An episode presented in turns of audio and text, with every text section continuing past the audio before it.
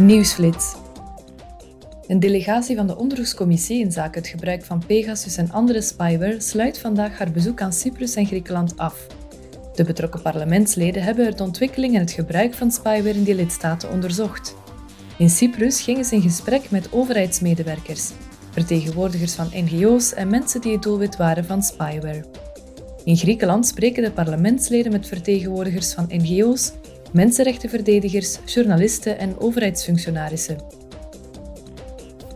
Leden van de Commissie Cultuur en Onderwijs zijn deze week in Budapest om inzicht te verkrijgen in de recente beleidsontwikkelingen op het gebied van cultuur, onderwijs en media in Hongarije.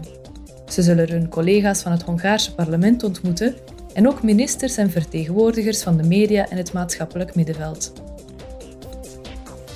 Een delegatie van de Commissie Vrouwenrechten en Gendergelijkheid legt deze week een bezoek af aan Polen.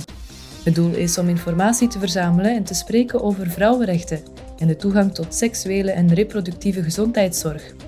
De parlementsleden zullen de leden van de Poolse Tweede Kamer ontmoeten, als ook vertegenwoordigers van NGO's zoals Federa, de Stichting voor Vrouwen en Gezinsplanning.